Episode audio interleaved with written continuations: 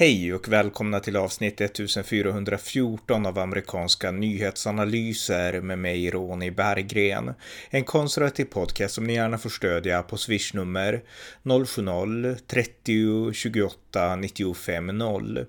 Här följer en uppdatering om det senaste i USA. Varmt välkomna!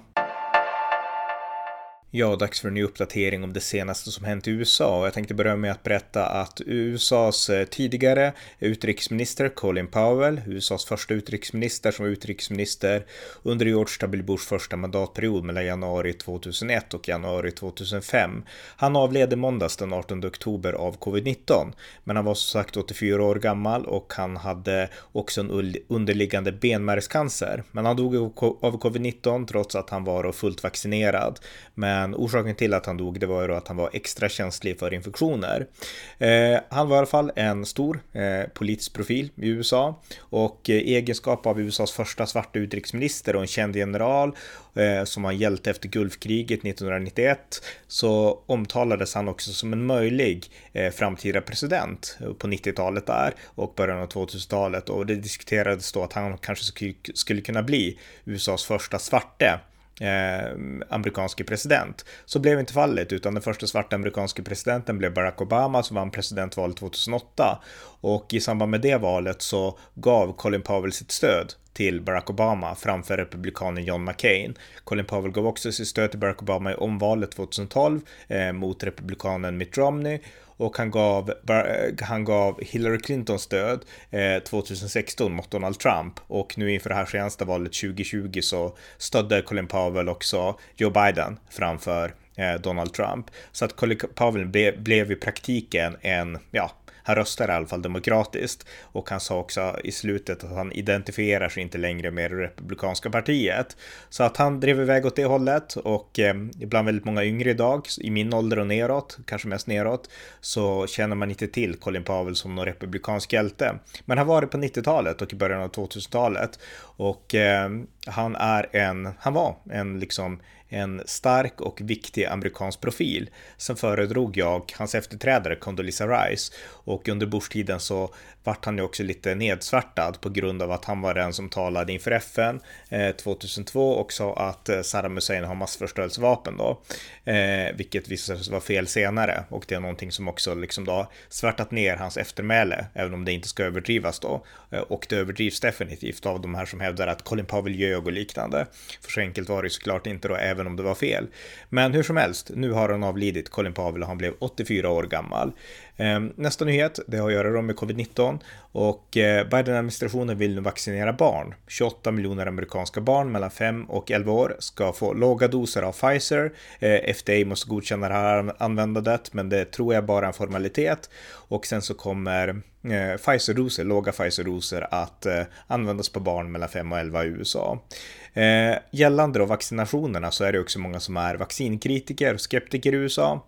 Och eh, USA har ju nu infört på federal nivå men även i olika delstater eh, krav på att anställda ska vaccinera sig. I New York till exempel så kräver delstaten att eh, de här 36, 36 000 poliser, brandmän och så vidare, de måste vaccinera sig innan den första november, alltså innan, in, inte ens in, inom två veckor. Och har de inte vaccinerat sig innan den första november, då måste de ta tjänstledigt utan betalning tills de är vaccinerade.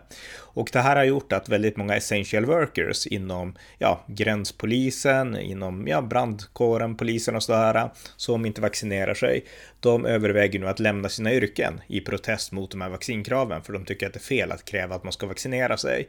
Och eh, de är beredda att betala priset för det.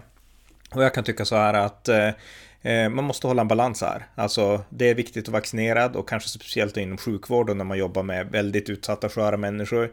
Men det här allmänna tvångskrav på vaccinering, det är fel. Alltså där måste människor få välja själv. Vaccinet, synen på vaccin ska vara att vill du vara skyddad och känna att du verkligen är skyddad, då ska du vaccinera dig.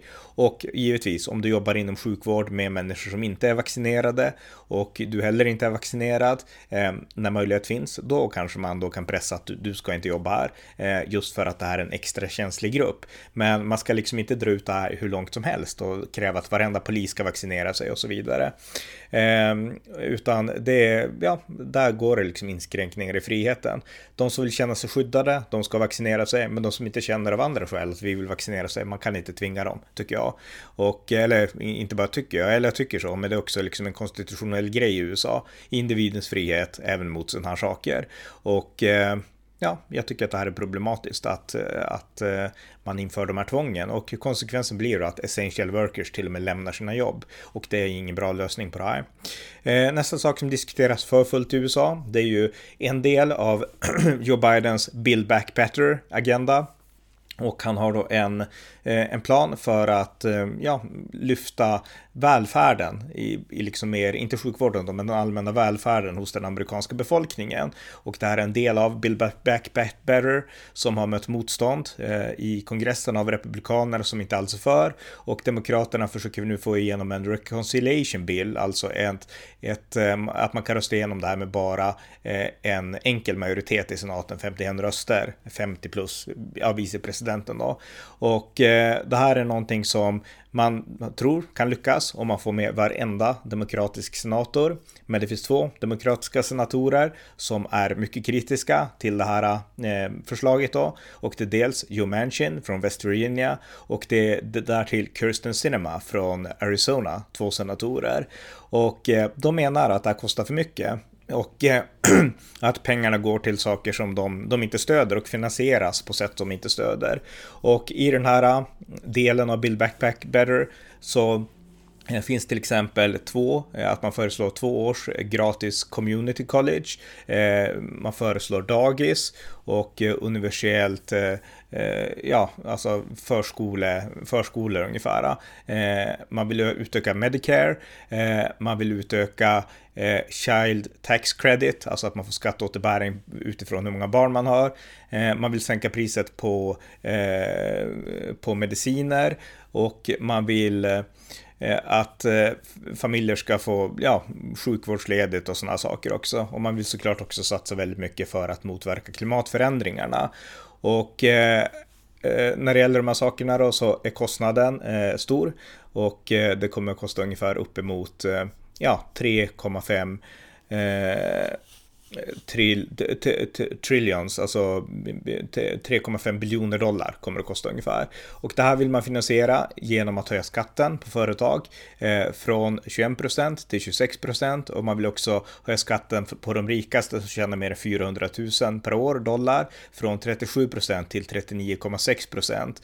och man vill också höja eh, capital gains, typ aktier tror jag det blir, eh, från 20 till 25 procent eh, eh, på den högsta inkomsten från, från sådana inkomster. Och det här är någonting som Kirsten Sinnem är emot. Hon vill inte att man ska beskatta de rikaste och eh, Joe Manchin emot andra saker i det här. Så att de här två demokraterna har satt sig totalt på tvären och på grund av det så får man inte den här enkla majoriteten som man behöver om man inte kan övertala eller kompromissa. Så att eh, där ligger problemet just nu i att få igenom den här delen av eh, Joe Bidens Build Back Better-agenda. Så att vi får se hur det går helt enkelt. Det är spännande ändå att det finns två konservativa demokrater kvar i ett parti som i mångt och mycket har lagt sig platt för de här som vill spendera stora pengar och som vill vara en del av eh, ja, eh, bokkulturen och även av den här liksom revolutionära klimataktivismen. Eh, men två demokratiska senatorer har inte lagt sig platt inför det och det tycker jag ändå är väldigt lovande och den här politiska situationen är ju väldigt intressant. Det är bara att hänga med och liksom ja, se hur pratet går inom partiet. Eh, nästa grej jag kan berätta är att det har varit nya storbränder under en veckas tid i Kalifornien och eh, det har varit ungefär 62 kvadratkilometer har slukats av det av Alisalbranden som härjar i södra Kalifornien då, men, eh, och det har varit ungefär 1600 brandmän inkopplade och sådär. Och även den här gången, ska jag säga, så har branden varit nära att nå Ronald Reagans gamla ranch och eh, det har varit, så har varit fallet vid många bränder tidigare också.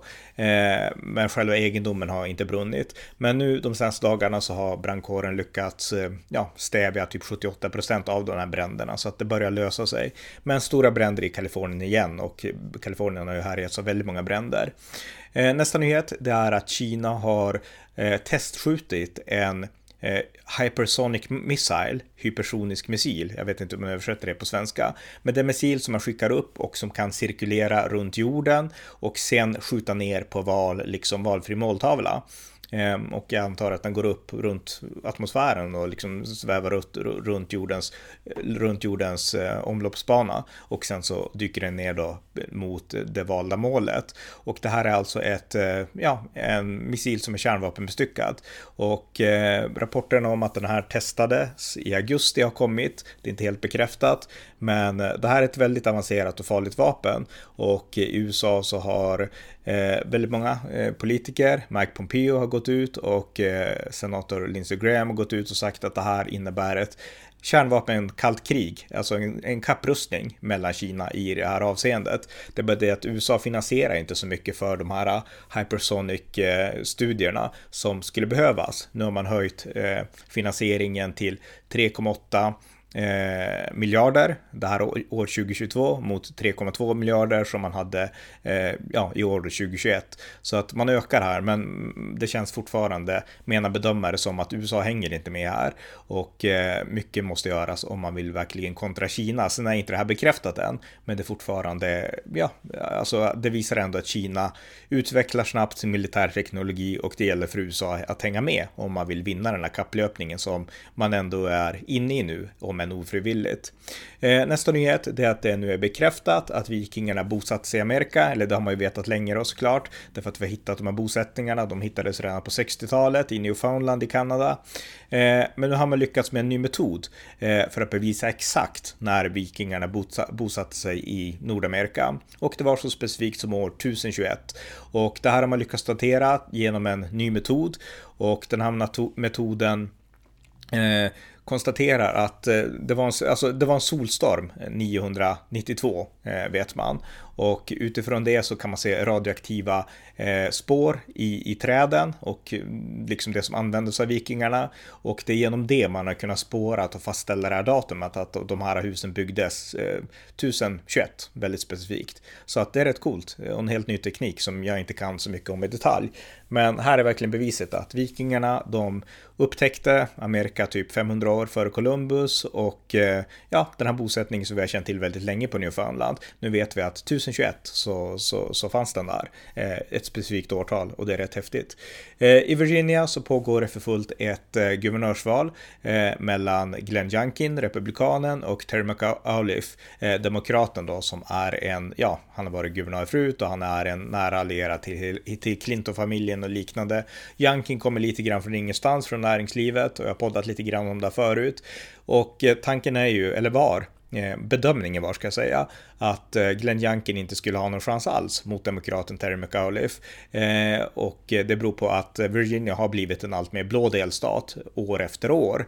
Och Terry McAuliffe har ett, ja, han är namnkänd i Virginia och han har varit guvernör förut och liknande. Men nu har debatten om kritisk rasteori och föräldrars eh, Eh, ja, vad föräldrar har rätt att säga till om i skolmiljöerna gett eh, Glenn Youngkin ett rejält uppsving. Och enligt Real Clear Politics så leder eh, Terry McAuliffe, demokraterna med 48,8 procent. Men Glenn Youngkin, han har 47 procent, så han ligger alltså bara under med 1,8 procent. Och valet hålls på tisdag den 2 november. Så att Republikanerna har verkligen en chans nu att vinna guvernörsvalet i Virginia. Och det var inte så många som trodde det för ett halvår sedan. Eh, så att det här är ett enormt uppsving av Glenn Youngkin. Och en orsak till att han har nått ett sånt stort uppsving, det är att Virginias skolor, de präglas starkt av kritisk rasteori, där Eh, oftast demokratiska skolstyrelser anser att kritisk rasteori ska läras ut, nämligen att, ja, att USA har systematisk rasism och att vita är lite mer skyldiga till det. Bara för att man är vita så har man privilegium och allt det här. Då. Och det här är någonting som många föräldrar har protesterat mot i Virginia. De vill inte att deras vita barn ska liksom bli stämplade som rasister eller ska bli utpekade eller lära sig känna skuld. De tycker att det är fel och jag håller helt med dem. Eh, men eh, Terry McAuliffe han har sagt att föräldrarna ska inte lägga sig i vad skolorna bestämmer. Skolorna måste få bestämma utbildningen och det här är en teori som liberalerna driver. Och i en fungerande miljö så är det såklart sant. Det är inte föräldrarna som ska styra skolplaner. Men om skolplanen har gått åt skogen då, ska då inte föräldrarna kunna komma in och säga att det här är fel? Vi vill inte att våra barn ska lära oss de här eh, konstiga felaktiga sakerna. Och det är där vi är nu och det är det som har gjort Glenn Youngkin så populär. För han har sagt att jo, föräldrarna har visst rätt att säga till och vi vill ha skolor som styrs av communityt där vi röstar och eh, där föräldrarna har saker att säga till om, inte där det styrs av eh, konstiga skolstyrelser och liksom eh, akademiker utifrån och liknande. Utan vi vill ha skolor förankrade i våra egna värderingar här i vårt community, säger Glenn Youngkin. Och det har gjort, gjort honom väldigt populär. Och vi ska komma ihåg att Biden-administrationen har ju till och med blivit, eh, ja, man har till och med gett justitieministern direktiv om att ja, ge FBI befogenhet att utreda föräldrar som liksom kommer in till skolorna och stör då så att säga för att de inte vill att deras barn ska utsättas för olika former av identitetspolitisk propaganda. Så att Glenn Youngkin, han har blivit föräldrarnas hjälte kan man säga. Och det är det som har gjort att han har nått som enorm framgång eh, i liksom i Virginia nu. Därför att han tar kampen mot critical race theory och att eh, barn får budskap nedkörda i halsen som deras föräldrar inte kan stå bakom bakom. Så att eh, där är debatten nu och det är bara att hålla tummarna för Glenn Youngkin att han vinner den här fighten. Därför att Demokraterna har i teorin låter det bra såklart att det här är självklart måste man följa skolplanen vad det är för galna föräldrar som kommer och stör. Men när skolplanen lär ut de här totalt vansinniga sakerna det är klart föräldrarna skulle säga till då. Det skulle vilken förälder som helst göra, i vilket land som helst hoppas jag. Så att eh, Glenn Youngkin står på föräldrarnas och det vanliga folkets sida. Medan Terry McAuliffe, han står på etablissemangets sida. Det är svårt att sammanfatta det hela på något annat sätt. Och gällande critical race theory och även gällande eh, svarta utrikesministrar så har, var Condoleezza Rice, som var George W. Bush utrikesminister under hans andra mandatperiod, alltså efter Colin Powell hon deltog på ABC News program The View med de här liberala kvinnorna äh, som finns där och diskuterade critical race theory och situationen i Virginia. Och där så förde de här liberala tanterna fram argumentet att ja, men det är klart skolan ska bestämma, inte föräldrarna. Och Condoleezza Rice som sa att eh, att eh, ja, men det, man måste hålla balansen och det viktiga är att historien ska såklart läras ut. Jag själv växte upp i södern och vi ska lära ut vad som hände då. Men vi ska inte lägga skuld på vita bara för att de är vita eller lägga skuld på grund av hudfärg.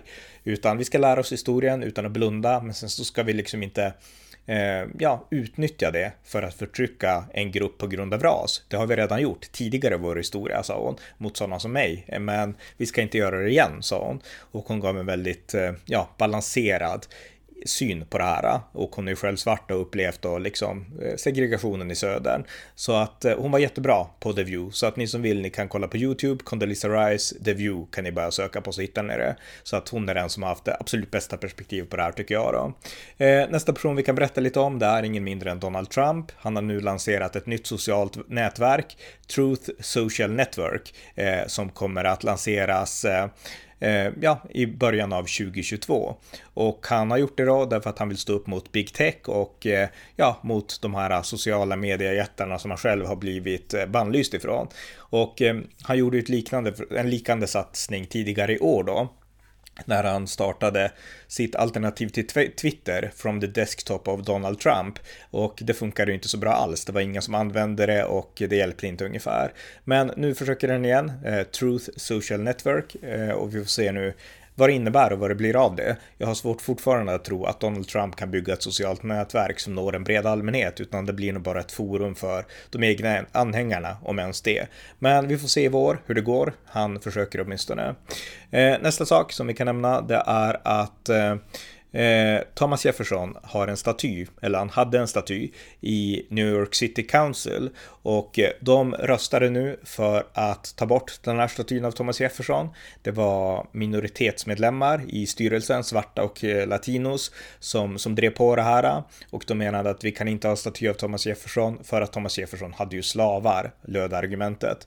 Så att statyn av Thomas Jefferson i New York City Council är nu nedtagen. Thomas Jefferson är en av USAs främsta författningsfäder. Han skrev den amerikanska frihetsdeklarationen som Abraham Lincoln baserade sitt Gettysburg-tal på, nämligen att för, för, för att förespråka slavars frihet och att Thomas Jefferson själv hade slavar. Det är liksom ja, det är faktiskt ganska oväsentligt idag, bör sägas. Och det här är ett fruktansvärt övergrepp på den amerikanska historien. Och 2017, när det var prat om att nedmontera sydstatmomenten och Donald Trump ansåg att man skulle se det här balanserat och att även de som ville behålla sydstatsmomenten var värda att lyssna på. Han argumenterar då att vad blir nästa steg? Ska ni också riva George Washington, Thomas Jefferson? De hade också slavar och det var de som byggde vår nation. Och eh, vi kan se nu att ja, Black Lives Matter och de här aktivisterna, de vill riva även USAs författningsfäder, eh, Thomas Jefferson och Washington och så vidare. Och det är exakt det som har gjorts nu och det här är fruktansvärt illa. Eh, Thomas Jefferson är definitionen av den amerikanska frihetsandan, av den individuella friheten och eh, av allt som egentligen definierar USA. Author of America eh, heter eh, Thomas Jefferson, Author of America heter Christopher Hitchens bok om Thomas Jefferson. Och Thomas Jefferson var verkligen författaren av allt det här uramerikanska. Och att man river ner det här nu, en staty av honom, det visar att de här latinos och svarta som gör det här, inte alla såklart, men de som gör det här, de identifierar sig inte med USAs historia. En historia som ändå är inkluderande, som alla oavsett ras kan inkluderas i om man bara vill. Rasismen finns inte kvar i USA på det sättet idag. Så att, att man river ner statyn här innebär också att man river ner USAs historia. Och det innebär egentligen i praktiken, det man gör, det är att man avsäger sig sin egen amerikanska identitet. Och eh, det, det, det innebär den, innebörden av att göra det här. Därför att Jefferson definierar den amerikanska identiteten. Det var han som byggde det som det innebar att vara amerikan. Det som står i författningstexterna och det som USA sedan har byggt hela sin historia på. Från liksom den tiden till nutid. Och eh, ja, det här är såklart mycket illa. Och om jag låter upprörd så beror det på såklart att jag har Thomas Jefferson som min egen ideologiska ledstjärna, vilket ni säkert vet ni som lyssnar här regelbundet. Men hur som helst, New York City Council har ändå röstat för att nedmontera en staty av Thomas Jefferson. Och med det sagt så avslutar vi just det här avsnittet. Det var avsnitt 1414 av amerikanska nyhetsanalyser. En podcast som finns för att ge det konservativa perspektiv på USA som svensk media inte ger. Stöd gärna på swishnummer 070-30 28 95 0 eller genom att via hemsidan stödja på Paypal, Patreon eller bankkonto. Det var allt för den här gången. Tack för att ni har lyssnat.